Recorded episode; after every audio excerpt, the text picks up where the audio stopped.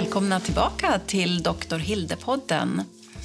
Här sitter jag, Lena Hallegård, Hilde Lövqvist och Cornelia Libau på Aleris Ultragyn på Sabbatsbergs sjukhus och fortsätter vårt spännande samtal om sexualitet.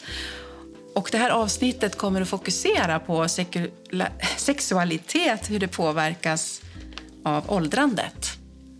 Varsågod Cornelia, du hade lite tankar kring det här. Ja, tack så mycket igen idag att jag får vara med.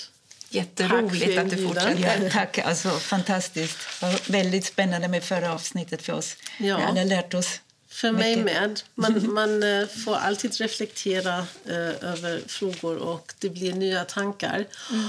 Och En sak som jag också hade tänkt eh, kring innan första avsnittet är ju att sexuella problem dyker ju inte upp först man är i klimakteriet. Utan sexualiteten har man med sig hela livet. Vi människor är sexuella varelser i större eller mindre stor utsträckning. Det, det är väldigt individuellt såklart. Men eh, jag tänker det finns... Vi, vi har vår personliga individuella resa genom livet och det är inte bara vår intellekt, vår själ som reser genom det här livet utan det är ju kroppen som reser tillsammans med oss som har en stor andel eh, i den här resan. Och, eh, det finns flera milstolpar som den här kroppen eh, går förbi. Och det, de mest pregnanta är ju då puberteten.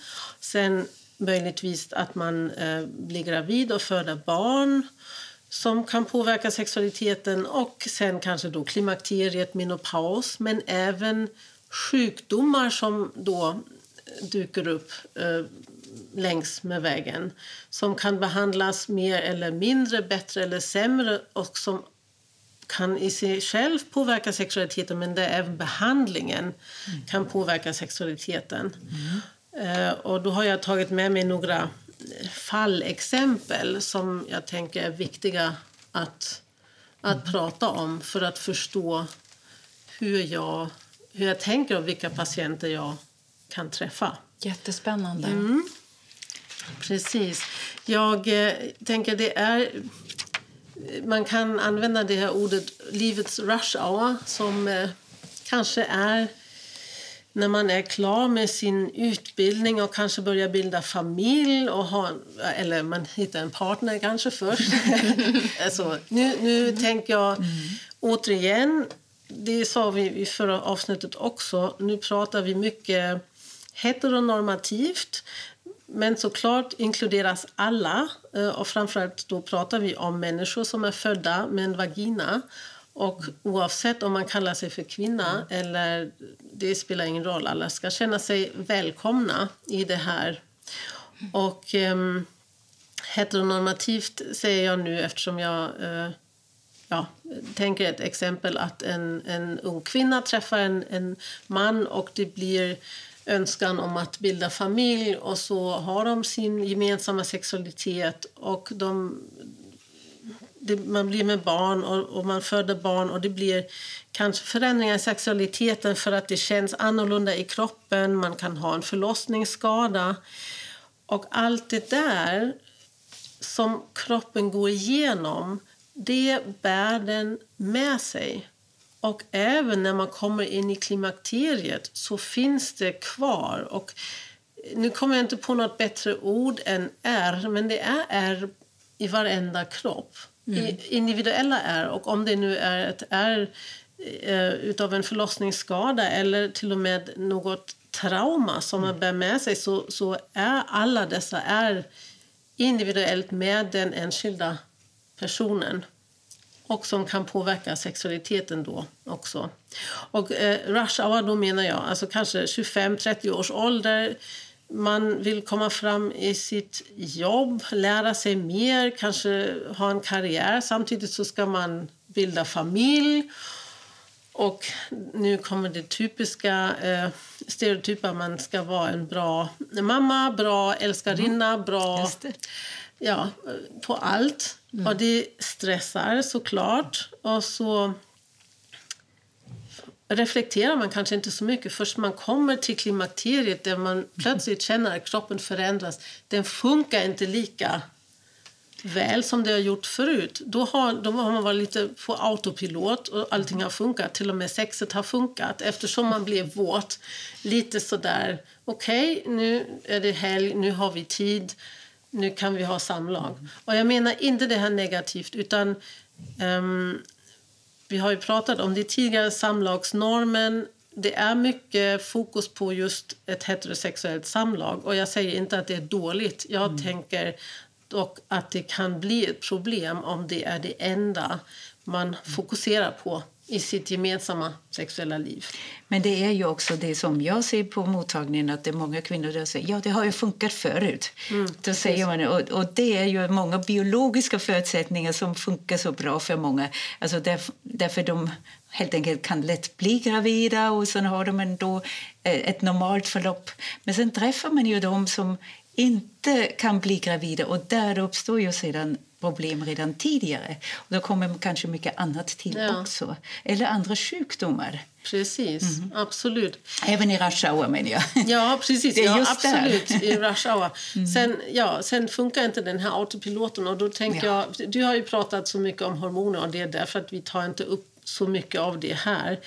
Um, men, men när hormonerna sviktar, eller när mm. äggstockarna svikt, börjar svikta mm. då, då är det där med rush hour och autobahn, det funkar inte lika bra längre. Och det är kanske ännu mer rush hour, för då har man gått upp i karriären och fått en, en topposition som chef eller ja, något sånt. Och precis. föräldrarna blir eh, gamla och barnen precis. krånglar och allt ja. möjligt annat. Alltså det är egentligen en högre belastning ja. än i den här första rush hour när man bildar familj. Ja, precis. För det har man ju också med energi. Alltså det, det förstärks ju egentligen ännu mer. Precis. Det kanske tar tas mer till sin spets i de här olika perioderna. För jag tänker, varenda av de här milstolparna blir ju en viss um, ny definition av en själv. Att man, hur man ser sig, ser man sig mer som mor eller som hur ser man på sin kropp efter en graviditet? Och sen eh, när man kommer i, i ja, 40-45 års mm. åldern och, och, känner att kroppen förändras, um, hormonerna mm. sviktar. Mm. Eh, är man då, va, va, vad står kroppen för? Mm. Hur, har man, hur har man levt med den här kroppen? Har det varit lustfylld? Har det varit um, vad heter det, dygdfyllt? Alltså att man har liksom ställt upp eller jobbat mycket för att alla andra ska må bra mm. och sett till att alla mår bra men inte liksom riktigt tagit hand om sig själv. Det är väl mycket kvinnligt? Ja, ja. precis. Mm. Men då tycker jag då ställs det på sin spets eftersom det inte funkar lika bra längre. Då säger kroppen ifrån. Mm. Om man nu, alltså jag tänker man kan se det så att kroppen då visar att nu, nu orkar jag inte göra så här längre. Mm. Nu får du ta hand om dig själv. Mm. och om det är Eh, genom att man går på massage för att kroppsberöring på olika sätt, om det är massage eller om det är sensuell beröring med en partner, mm. det ger ju oxytocinet, den, mm. det här eh, mm. Må bra-hormonet mm. som också är viktigt för bonding mm. när man får ett barn eller bonding mellan nyförälskade. Um, att man då börjar ta hand om sig själv och kanske bonda på nytt med sig själv. Mm. Det är fantastiskt när man har eh, en sån inställning men det är många som kanske inte eh, orkar dit. Nej, precis. Mm. Och ändå så eh, är det någonting som jag tar upp med, med mina patienter när jag mm. träffar dem och när jag ser vi har pratat om kontext tidigare. Mm. Eh, och Du hade ett annat ord för det. Vad var det nu igen? Um, ja, sammanhang. sammanhang. Just det. Att, mm. att uh, försöka se människan i sin sammanhang. Och det mm. är ju... Det, det, är inte alltid lätt för många på olika sätt. Och man, får, man får hitta små mm. förändringar, små saker som var och en kan göra. Och Det finns liksom inget recept som är likadant för alla. Och det är samtidigt det som är så spännande. Det, det blir, man kanske kan jämföra det med pussel. det blir ett nytt pussel egentligen med varje patient som jag träffar. Mm. Och ibland är pusselbitarna större och, och, tydligare och ibland så får man leta efter många små pusselbitar. Mm. Mm. Uh, Hilde pratar ofta om att one, one size Alltså, Does not fit all. Nej, precis. Not fit all. precis. Ja, att, att, det är svårt att, ja, att nej, men Det individuella, alltså individuella behandlingen och det, syn på människan det är ju det som är det viktiga. Mm. Alltså, det går inte att uh, säga kategoriskt så gör du mm. och uh, sen är det över ungefär. För alla är så, uh, har ju sitt lilla bagage. Jag brukar ju säga den här ryggsäcken man bär med sig mm. och ryggsäcken kan ju redan vara fylld av dåliga barndomsupplevelser. Jag, menar, jag tänker återigen på det här vi pratade om, eh, att det eh, kan ju hända mycket med incest, våldtäkt och allt detta redan med ett barn. Ja. Tänk alltså vad fruktansvärt. Ett barn som sedan då kommer in i eh, puberteten och, mm. och sen får bearbeta det på ja. något sätt och sen ändå bilda familjer själv och komma ja. över sina problem. Men ja, det är frågan om alla kommer över sina problem eller om det blir avstängt på något sätt i, i hjärtat eller vad det nu må vara. Mm. Och det påminner mig om en sak som jag brukar göra med patienterna. Jag visar en bild på en ja, på, på tre små gubbar de, som, man, som man ser ofta i föreläsningar en gubbe med eh, en, eh, ett ljus, någon som har förstått någonting eller någon som eh, kliar sig i huvudet som inte förstår något. Såna gubbar då. Mm. Mm. Eh, som jag då har ställt ovanpå varandra. Och den högst upp är hjärnan, sen kommer hjärtat och sen mm. kommer könet. Mm. Och att det som jag ser ofta är att kontakten, förbindelsen framförallt mellan hjärnan och könet det, det är rubbat. Mm. Och det, desto mer rubbat, desto mm. större trauman som finns som inte är bearbetade. Precis. Och då kan det hända att en, en patient säger att, att hon, hon vill inte ha sex. Alltså hon känner inte sig som en sexuell varelse längre. Eller hon har aldrig känt sig så. Ja. Det, ja, det, är ju, det finns många olika um, sätt. Men, um, och man kan ju känna sig så från början. Det, det är mm. inte så att jag utesluter det. Utan nu, nu är det ju mest klimakteriet och, mm. och den här resan.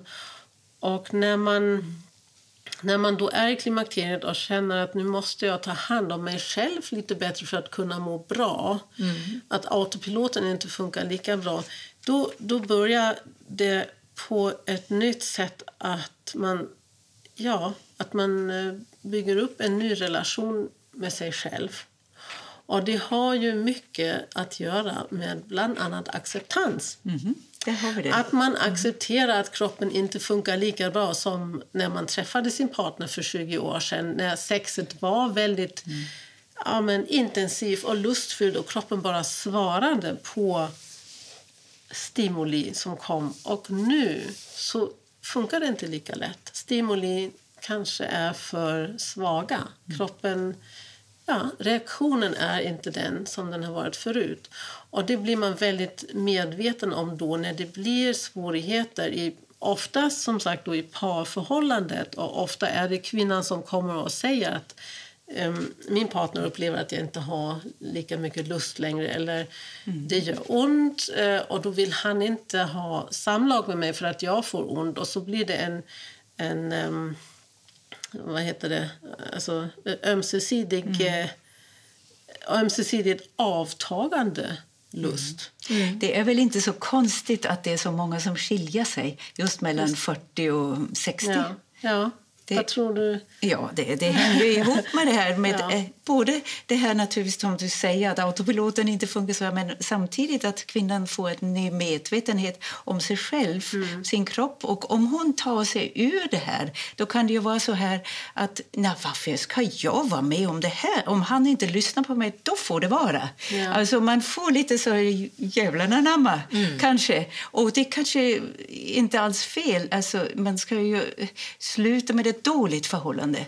Men samtidigt är det ju synd om det blir ut ur en impuls och ja. därför att det inte funkar med hormonerna som man kan rätta till eller med Precis. sexterapi Precis. som hos dig. det är ju multifaktoriellt och eh, då behöver man ett multimodal, en multimodal behandling. Och det är det som är så roligt, känner jag, för min del. Att jag har de här olika perspektiv då. Alltså som gynekolog med hormonbehandling och samtidigt som sexolog med det andra perspektivet där jag fokuserar mer på, på människan själv, kontexten, alltså sammanhanget och um, ja, hjärna, hjärta, kön i samspel eller då icke-samspel och att man då tillsammans kanske kan hitta vägar ur uh, en uh, problematik där helt mm. enkelt. Och mm. en sak apropå att många skiljer sig. Ja, å andra sidan kan ju det här, alltså att man hittar sig på nytt uppfinna sig på nytt, eller så tror jag det finns som uttryck på svenska. Eller? Alltså att man helt enkelt... Um, på nytt födelse? Mm, eller? Lite så kanske. eller? så? Renässans. Ja, just det. Det är bra. Det är bra. bra. Då kan det faktiskt bli en renässans för relationen också. Mm. Och det innebär då igen, apropå it takes two to tango, det innebär ju att partnern um, är beredd att acceptera och se sin långvariga partner, då, kvinnliga partner som den den är nu. Att den har utvecklats, att det mm. är på olika sätt en ny personlighet. Och det är klart att man får, att man får fundera över, är det, passar man fortfarande ihop? Kan man mm. acceptera varandra som man är? Och det spelar ju mycket, mycket in i det här med lust. Har jag lust till den här personen? Och väldigt mycket har jag lust till mig själv. Och om jag inte har lust till mig själv, hur ska jag ha lust till en annan person? Och hur ska, den andra hur ska jag kunna ta emot den lusten som den andra har gentemot mig om inte jag kan känna lust? Alltså det blir ju, det blir en... Jag tänker på den här filosofiska spiralen eh, som kan gå nedåt. Det eh, kan vara en negativ spiral, men den kan bli så otroligt positiv också. Mm. Om man accepterar kroppens förändringar, om man accepterar um, att man har lite jobb att göra. Mm. Men då är det ju återigen det här med lusten. Och jag tänkte på den här tango, jag tänkte hela tiden på dans och så vidare. Men vad säger du egentligen om solodans? Ja. Kan inte det hjälpa? Solodans är helt underbar. Om man bara går på diskotek och dansar själv jättemycket, det älskar jag.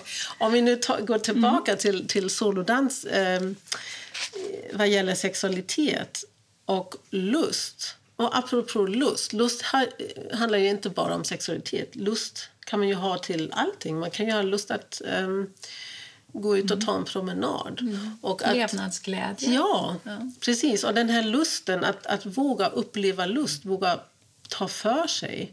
Det är väldigt viktigt och det kan man ju absolut med fördel ha själv, göra själv. Mm. Och då pratar vi ju om någonting som kanske, som man kanske pratar ännu mindre om än partnersex är ju självsex. Alltså att man onanerar och får njuta av sin kropp själv. Mm. Och den stora fördelen med det är då att man är på en väg, på en lustväg mot sig själv. Mm. Och att man lär sig mer om sin kropp. Vad tycker min kropp om nu jämfört med för 20 år sedan? Vad gör mig glad? Vad gör att, eh, vad vet jag, att jag ryser av lust, till exempel? Mm. Vad ger mig en bra orgasm? Vad ger mig en väldigt kraftfull orgasm? Man får prova så mycket. Och det mm. finns ju tack och lov många hjälpmedel där också. Det som i princip nu för tiden alltid eh, pratas om är womanizer. Det är en typ av, eh, av hjälpmedel. Är det en luftvibrator? Som, det är den här luftvibratorn ja. um, som, som, kommer med orgasmgaranti. Ja, 90 procent läst. ja, men man kan ja. då uppenbarligen lämna tillbaka mm. och få pengarna tillbaka om det inte funkar. Mm. Men uh, skämt åsido, jag tror det är extremt viktigt att man, uh, att man tar bort skammen runt mm. onani och onani med hjälpmedel. Men var kommer det ifrån egentligen, det här skammen? Ja. Jag har funderat på det mycket. Och det, skam är ju också med i att man inte pratar om det. Om man pratar om allting i livet. Och, och på Facebook, på Instagram, man visar allt möjligt.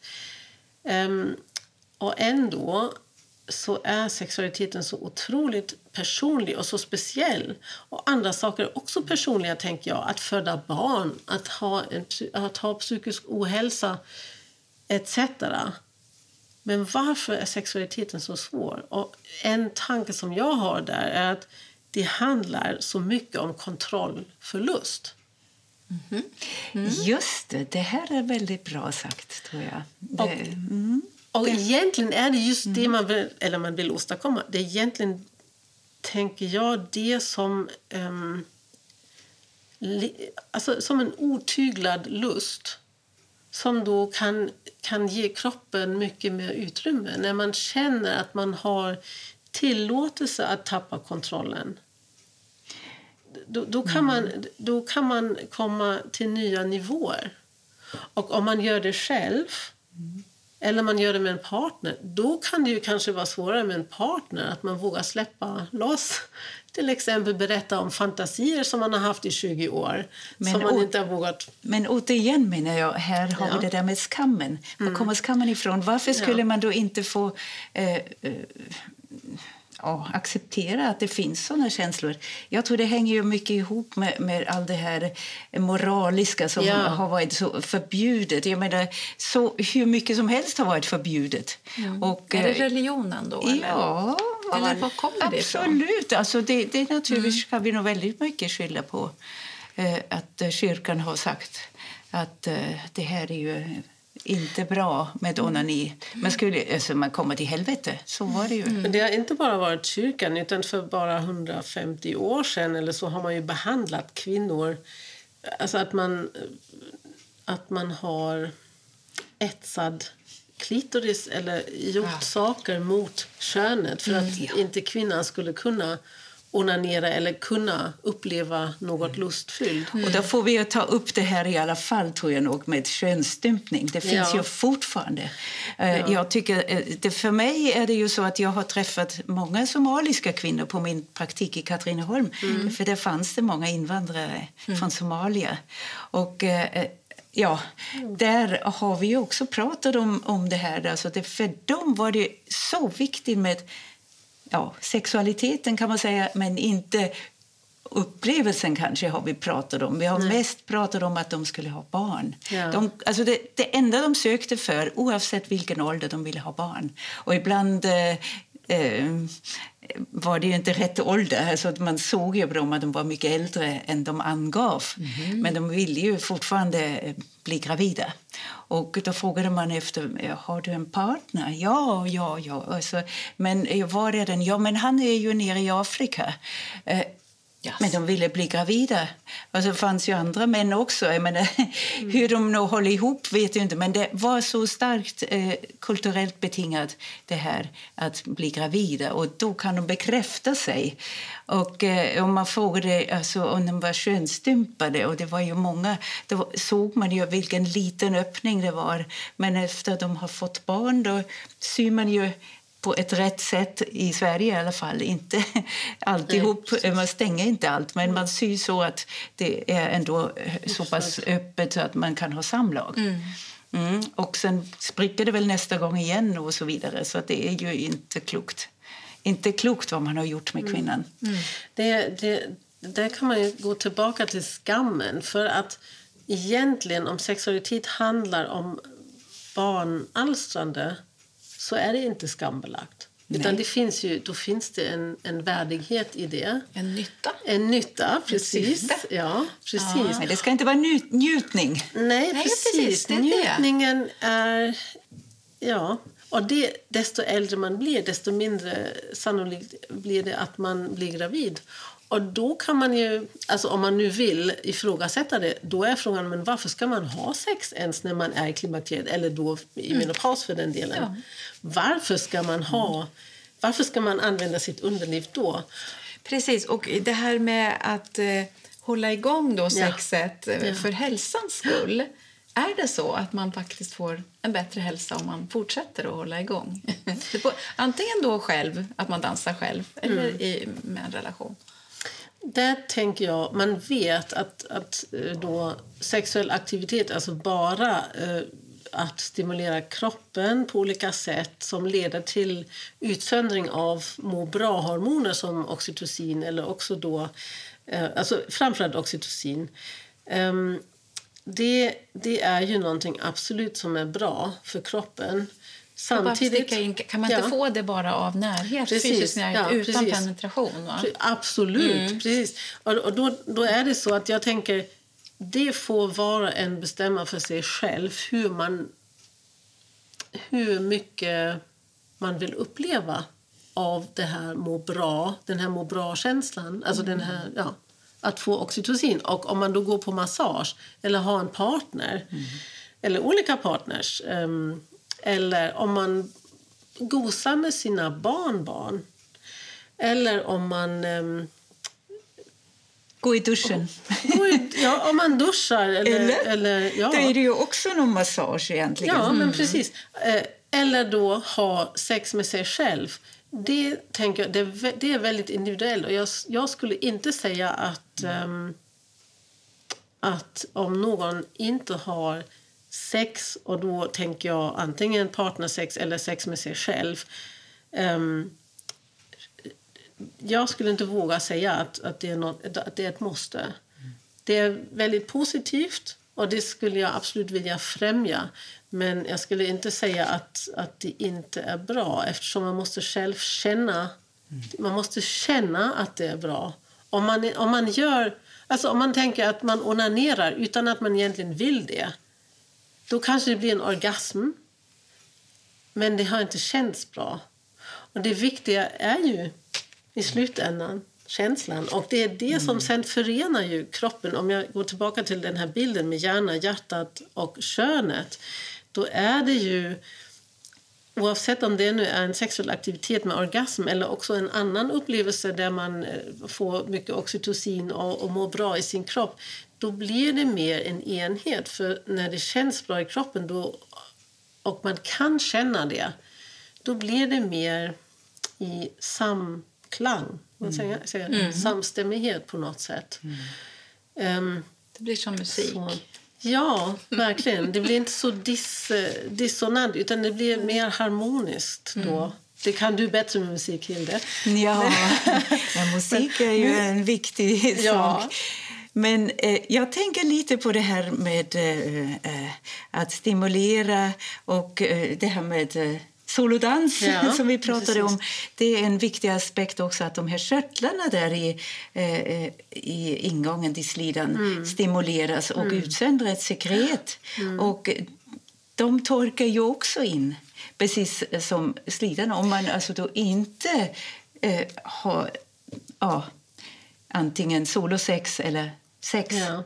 Så att det, det, är ju egentligen för vagina och för vulva, för den hälsan är väldigt viktigt ja. och bra för att förebygga mot såna här sjukdomar som kan bli med atrofin sedan. Ja. Uh, ja, och då atrofi, att, att, uh, att anatomin inte är riktigt så mm. som den har varit förut och tunnare slemhinnor. Men det är ont vid, vid, eh, alltså när, när man kissar och, ja. och, svider och allt det där. Där har man ju bra hjälp av hormonell behandling, mm. då, till exempel lokal östrogen. Men såklart så har man också en stor nytta av att använda området. Och då finns det ju, det, det används ju kanske mycket mer inom fysioterapin till exempel. Use it or lose it. Mm. Mm. Um, att man och, det är oavsett ålder. Man kan, man kan ha en mycket väl fungerande underliv eh, i 85 års ålder om man fortfarande har sex på sitt sätt. Tänk alltså om det är solosex eller, eller med en partner eller så. Um, och så kan det se annorlunda ut hos en person som till exempel är 30 och inte har en partner och inte känner för eh, sexualitet. Att, att underlivet på något sätt ja, att eh, den personen inte har en bra kontakt med underlivet då kan det redan då vara så att det känns tomt eller känns um, att man känner sig avkopplad från, eller säger man, alltså avstängd bortkopplad. från, bortkopplad från mm. det området. Mm. Mm. Så det tror jag det är ingen åldersfråga utan det, det är återigen en slags kontextfråga också.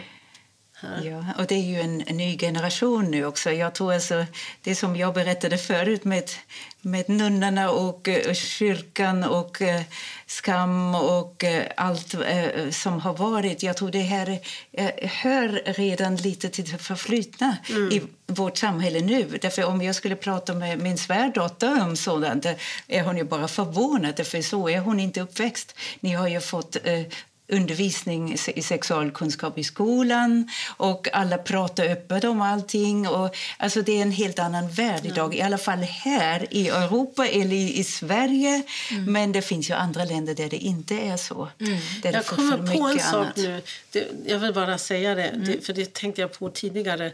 Just det här att man, eh, att man lär sig vad, vad ens kropp vill, vad som känns bra och inte bra, att man vågar göra det och vågar prata om det med sin partner kan, alltså om den personen gör någonting och det, känns, och det inte känns bra då har många kanske bitit ihop under en lång tid. Och Det är mm. det som är så viktigt, att lära känna sin egen kropp. För att kanske inte bara säga nej, gör inte så, utan kan du göra annorlunda? Mm. Gör si. Mm för att det ska kännas bättre för mig. Alltså, det måste du ju veta själv först. Precis. Om man mm. inte vet vad man tycker om eller vad, vad som känns bra i kroppen då har man svårt att, att visa den andra mm. vägen. Ja, visst. Och, och det, därför tycker jag också att det är så viktigt att man bygger upp en ny ja, på visst sätt en, en attraktion till sig själv. Att man, att man utforskar och, och, och gör nåt som är gott för sig själv. Och Då blir det lättare i samspel och i kommunikation mm. med en partner.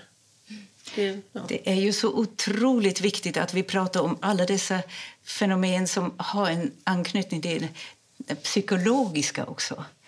Men nu tycker jag vi måste nog också fråga dig om vilken anknytning det kunde vara till det patologiska. Du som Precis. egentligen inom gynekologin träffar kvinnor som har olika åkommor som är sjukdomar som endometrios mm. eller olika former av cancer eller något sådant.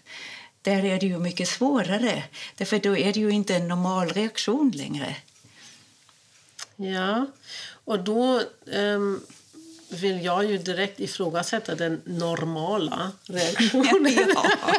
Okej, okay, bra. det, det tror jag det är så viktigt att, ja, vad är det normala? Och då tänker jag, okej, okay, um, då får man, då får den, den, var och en känna för sig själv. Hur, hur har det varit normalt för mig själv? Kontext, Inte, ja, eller hur? Kontext. Mm. och, uh, precis, och det, det är något som är otroligt viktigt som jag, som jag har sagt tidigare, genom, eh, alltså under resan genom livet så kan det bli sjukdom också. Och jag tänker väldigt mycket, eftersom det kan dyka upp även under den fertila perioden, eh, då kvinnor med bröstcancer som får en behandling som gör att de till exempel inte får ha den hormonella behandling som de skulle behöva för att underlivet ska kännas bra eller ska kunna fungera så som tidigare. Mm. Och och då är det ju speciellt viktigt att um, våga utforska.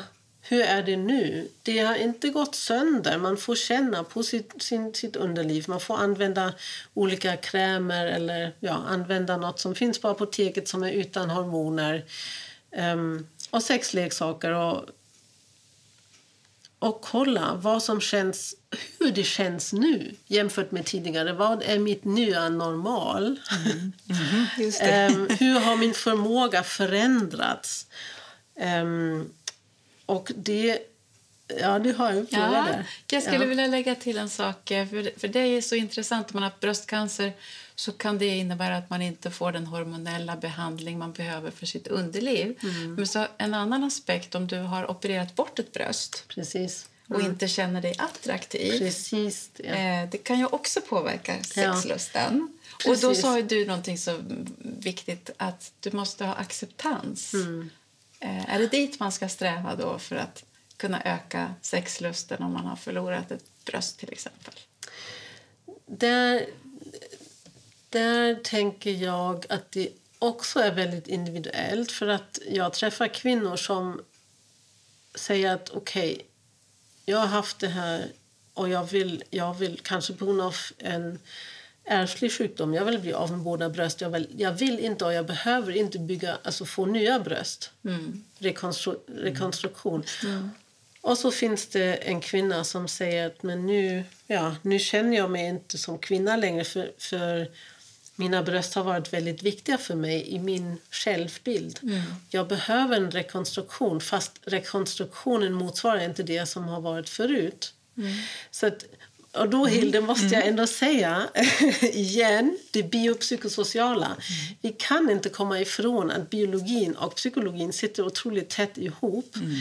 Och då om man tar bort ett bröst, precis som du säger Lina, och jag, jag tänker på ja, men på patienter som jag har träffat, det är just det här, den förändrade självbilden. Och inte minst sorgen. Det är en stor sorg över att kroppen har blivit eh, stympad. Och, ehm, och det är klart att det är en, det är en acceptansfråga. Men det är en väldigt... Det, det, är- det, ja, det, det är inte lätt. Och det är också beroende på vad man har varit med om och hur mycket man ja, hur, hur väl man kan acceptera det. Och då tänker jag också att det är mycket värt då att träffa en psykoterapeut som har den kunskapen, alltså onkologisk kunskap om cancer, sjukdomar, hur det påverkar sexualiteten och så. Och det kan jag bara säga för, för, ehm, för bröstcancer, där finns det ju centrum som har som har psykoterapeuter också, kuratorer som pratar eh, om det där. Det har blivit mycket, mycket bättre. Det har varit mycket mer arbete med att prata om sex efter cancer. Precis, det Så är viktigt. Det, det är otroligt viktigt. Men jag, jag tänker att det har blivit mycket bättre. Sen kanske en liten sak vore att, att eh, ha partnern med i det. I sådana samtal. Och det, det har jag också haft patienter som då haft med sig sin partner och så har man faktiskt pratat väldigt mycket om hur, det föränd- hur kroppen förändras. Att, att partnern har fått mer information om det också. Som en. Ehm, då blir det en, en annan form av samtal om det. Och, Och- ja. kanske får jag bara Mm, ja, inflika precis. eh, vad jag, jag, jag kommer på. Alltså, det är ju inte bara bröstcancer, det är ju många andra sorters cancer som vi inte kan eh, gå igenom nu. Därför nu har vi kommit, kommit eh, till ganska mycket tid redan. Ja. Men eh, det är som med alla dessa andra cancerformer där eh, kvinnor kommer så tidigt redan in i menopausen, alltså med POI som vi säger, alltså prematur eh, ovarial insufficiens, där de saknar sina hormoner och kanske ändå blir botade. Och även om de inte är botade har de väldigt mycket klimakteriebesvär. Då kommer jag återigen med mina Ja. hormoner. Ja, Att det är så ja. viktigt ändå att de eh, blir besvärsfria eh, från de här klimakteriella besvären. Eh, eh, och, och eh, då kommer det andra till. Alltså både och. Man ska inte bara glömma det ena och inte det Nej, andra. det, absolut. Eh, Det, det håller jag helt med om. Men jag tänker att jag fokuserar mer på, på det andra med tanke på att du har, ni har pratat så mycket om mycket om hormoner. hormoner, men jag, i Men slutet jag vill jag absolut- bara inflika det här. Ja, vet du. absolut. Ihop säcken skulle-. Ja, ja, visst. För jag har det. hört så många kvinnor som, som inte, där onkologen sagt nej. Alltså det är, bröstcancer är ju lite undantag, men det finns ju andra cancer. Cervixcancer, alltså, eh, där de har tagit bort livmodern och äggstockarna och då är de i 40-årsåldern. De får ha en hormonbehandling. Absolut. Och det är inte självklart hos alla onkologer. Nej. De nämner inte ens det. De är så inriktade på sina cytostatika och strålbehandling eller vad det nu än är. De glömmer bort den andra delen. Och eh, så skickar de kanske till någon psykolog, men psykologen tänker kanske inte hormoner heller. Så att det är återigen eh, en som Cornelia som behövs egentligen, som ser helheten. Det är det som är så fantastiskt med dig, Cornelia. Alltså, jag tycker vi har fått uppleva så, så intressanta samtal att eh, ja, jag skulle vilja fortsätta hur länge som helst med dig. Där vill jag säga att jag känner att det är helt underbart att man har olika kollegor med olika inriktningar, olika professioner. Och det är det roligaste, verkligen. Att kunna jobba tillsammans för patientens bästa och kring patienten och hitta just för den här patienten eh, rätt väg, rätt behandling. Eh, det är så mycket värt. Och det vill jag också verkligen poängtera att jag skulle önska mig kanske mer, ett, mer samarbete mellan de olika professionerna än vad det är just nu. Just det. Det Sen är frågan hur ska man få till det. Men eh, jag, jag upplever det som väldigt givande när man har flera olika kollegor, olika professioner och så ehm, Nätverk ha alla- mellan ha alla, olika. Mm. mm, nätverk mellan olika specialiteter, vi som behandlar. kring Ja. patienten. Lena, du får ta sista ordet. Här. Oj, ja, alltså jag är full av eh, stora öron och, och eh, ja, det har varit, den här tiden har gått jättefort. Vi- Jag håller med dig Hilda. Vi ska kunna fortsätta länge till. Men allt har ett slut och även denna podd för idag. Så stort tack Cornelia. Fantastiskt intressant. Tack själva för Tack, alla frågor och att jag fick vara med. Ja, kanske får vi bjuda in dig fler gånger, men det behöver du inte lova nu. Men vi får se. Ja, okej. Eh, Och nästa gång, Hilde, så kanske det blir den här urologen. Vi får väl Ja, se. Jag ska prata med honom. Spännande. Okej. Okej, tack för idag då. Tack, Ja, tack hej då. Cornelia. Fantastiskt. Hej då. Hej.